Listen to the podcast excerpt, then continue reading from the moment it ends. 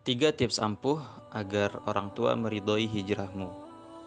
Teman-teman sekalian, ada banyak sekali memang eh, terjadi di tengah-tengah kita, banyak sekali memang penentangan, banyak sekali penolakan, banyak sekali rintangan dan ujian pada saat kita memutuskan untuk berhijrah. Apalagi kita dari latar belakang keluarga yang sangat-sangat jauh dari Islam yang uh, sangat awam tidak mengenal Islam lalu kemudian kita hijrah. Yang contoh yang sangat konkret yaitu akhwat gitu ya. Mereka yang mungkin seluruh uh, keluarganya itu baik ibu, baik kakak, baik adik, baik tantenya, baik bibinya, semuanya tidak berjilbab atau bahkan tidak sholat. Lalu kemudian kita yang hijrah yang kemudian tiba-tiba sholat, tiba-tiba berhijab seutuhnya, tentu akan terlihat asing di keluarga kita. Maka ini ujiannya jauh lebih berat ketimbang memang kita berasal dari keluarga yang emang udah uh, agamis gitu ya, keluarga yang emang udah setidaknya sedikit paham agama. Nah, uh, sedikit di awal saya pribadi termasuk uh, pelaku hijrah yang memang berasal dari keluarga yang sangat awam terhadap ilmu agama. Meskipun memang pada saat saya SD dulu saya dimasukin ke dalam ke dalam lagi ke saya dimasukkan ke uh, Madrasah Ibtidaiyah Negeri. Kemudian pada saat SMP saya pengen lanjut ke MTS cuman karena nilai nggak nyampe akhirnya masuk SMP umum dan kemudian SMA-nya masuk SMK. Nah, saya baru memutuskan untuk hijrah itu di kelas 2 SMK sejak kelas 2 SMK saya mulai ya rajin sholat kemudian nggak pernah ninggalin sholat duha kemudian uh, sholat tahajud meskipun nggak setiap hari gitu ya. Lalu lebih aktif kegiatan di masjid ya masjid sekolah saat itu. Karena saya dulu waktu masih sekolah masuk jam 7 pulang jam 2 sehingga kalau sekarang kan anak-anak full day tuh Sabtu dan Ahad libur. Kalau saya dulu uh, nggak full day pulang jam 2 siang sehingga dari siang sampai sore atau kadang sampai malam atau kadang sampai nginep di masjid sekolah itu sehari-hari itu aktivitasnya ya ngerjain eh, agenda-agenda masjid gitu agenda rohis di sekolah. Sehingga kan waktu bersama keluarga tuh sangat-sangat sedikit minim. Dan ketika ayah ataupun ibu ngelihat perubahan saya ya mereka juga sangat terkaget-kaget gitu. Dan uh, apa namanya pangling lah heran gitu. Nah apa tiga tips yang akan saya sampaikan? Dan ini based on experience ya berdasarkan pengalaman. Atas apa yang sudah saya alami dan saya jalani dan alhamdulillah sejauh ini cukup berhasil. Dan semoga saja kalau teman-teman me, melakukan tiga tips yang saya share pada kali ini semoga teman-teman juga bisa mendapatkan hasil yang maksimal yang pertama adalah uh, pada saat kita hijrah, maka yang paling pertama harus kita ubah adalah akhlak. Itu wajib banget ya. Karena kenapa selama ini banyak banget orang tua yang gak setuju ketika anaknya hijrah? Karena ketika anaknya hijrah, mereka justru semakin tajam mulutnya ke orang tua, semakin nyalah-nyalahin orang tua, semakin membitnah-bitnahkan orang tua, semakin cuek ke orang tua, semakin judes ke orang tua, semakin nggak peduli sama orang tua. Pokoknya bertolak belakang lah yang seharusnya ketika kita hijrah akhlaknya makin baik, malah justru makin buruk ya.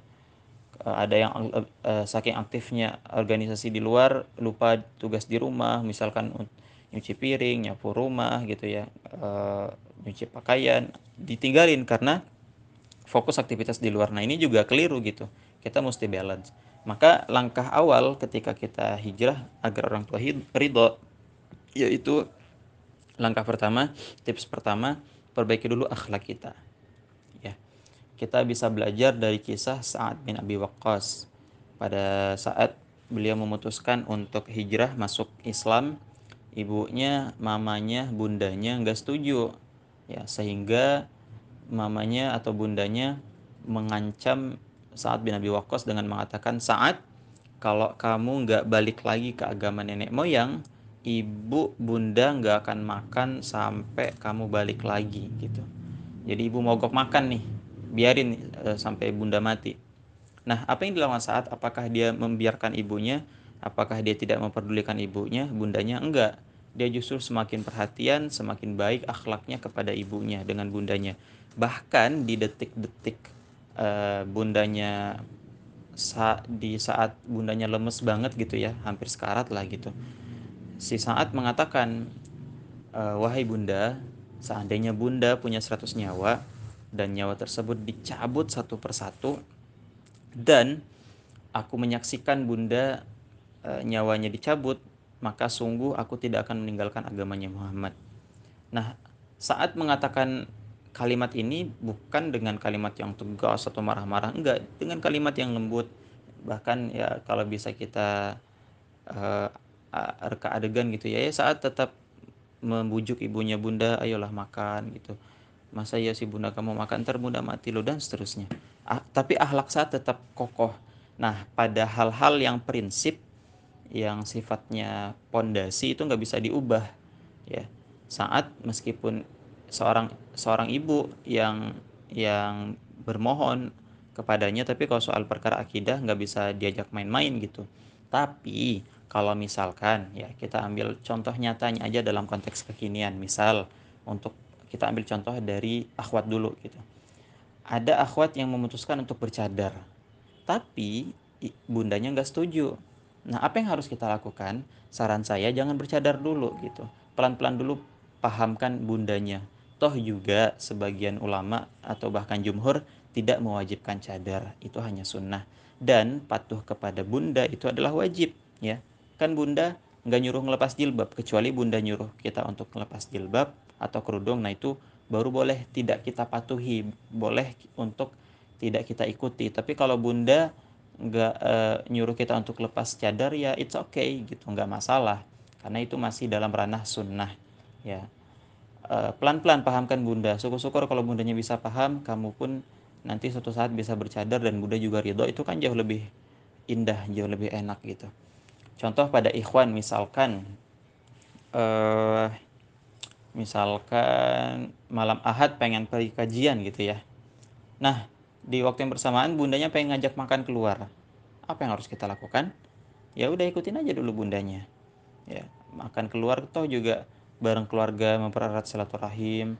Toh kita juga bisa kajian di hari yang lain atau bahkan sekarang kalau nggak sempat datang kita masih bisa streaming. Insya Allah ini tetap dihitung kok. Atau bisa kita uh, bikin jadwal oke okay, malam ahad makan bareng sama bunda hari-hari lain aku bisa pergi kajian bareng teman-teman tuh bisa gitu. Maka yang pertama teman-teman perbaiki dulu akhlaknya. Justru semakin harusnya semakin baik akhlak kita ke orang tua agar orang tua pun ridho dengan hijrahnya kita. Sehingga dia bisa uh, ngomong gini Masya Allah ya semenjak anakku hijrah akhlaknya makin baik. Kalau dulu nggak pernah bantuin tugas rumah sekarang malah bantuin. Kalau dulu nggak pernah uh, apa merhatiin selalu merhatiin setiap saat nelpon uh, dan seterusnya. Nah kalau udah seperti itu tuh uh, apa namanya persepsi orang tua terhadap kita insya Allah orang tua akan ridho dengan hijrah kita. Ini yang pertama perbaiki akhlak.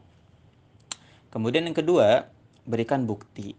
Nah, seperti saya dulu sebelum hijrah gitu ya itu sering dipanggil orang tua bukan karena prestasi tapi karena sering bikin masalah di sekolah.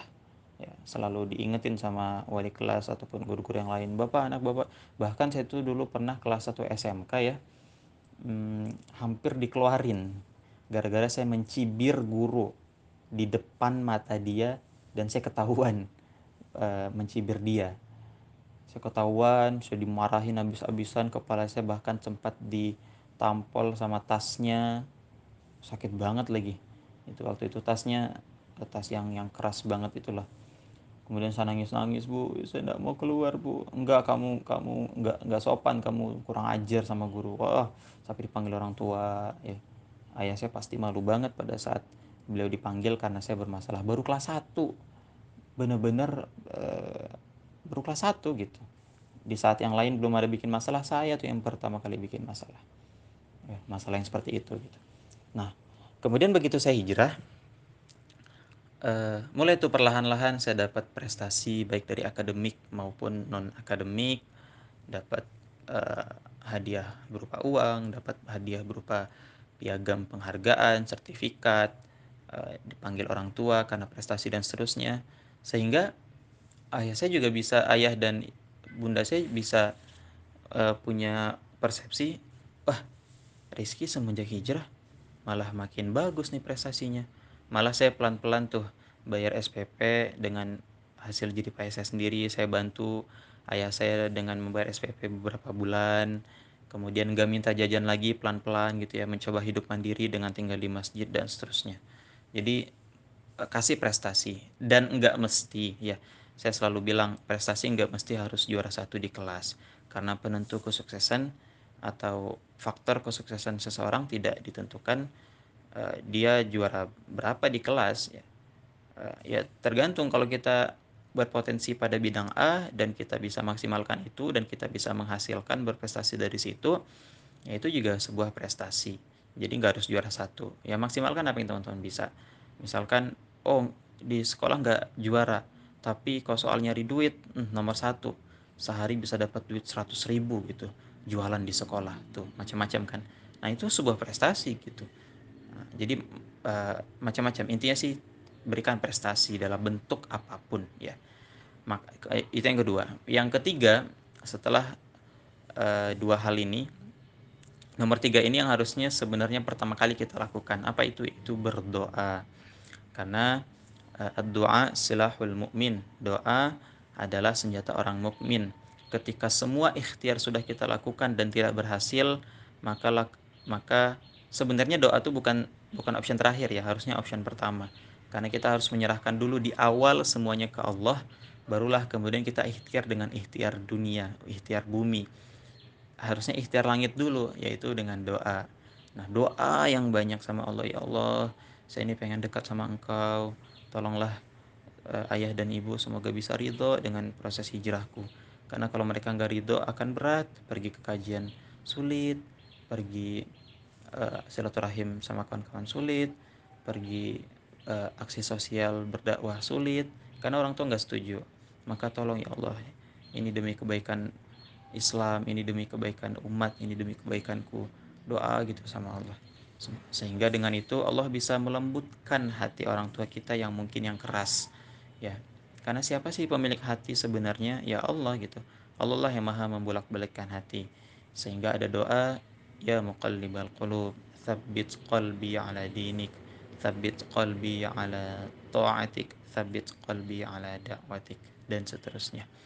Sehingga teman-teman sekalian semoga ketika teman-teman melakukan tiga tips ini yang pertama kita balik ya yang pertama doa kemudian yang kedua eh, akhlaknya perbaiki semakin baik kemudian yang ketiga berikan prestasi yang lebih sehingga semoga sehingga dengan tiga tips ini kalau teman-teman lakuin berhasil dan bisa uh, membuat orang tua kita semua ridho dengan hijrah yang kita tempuh.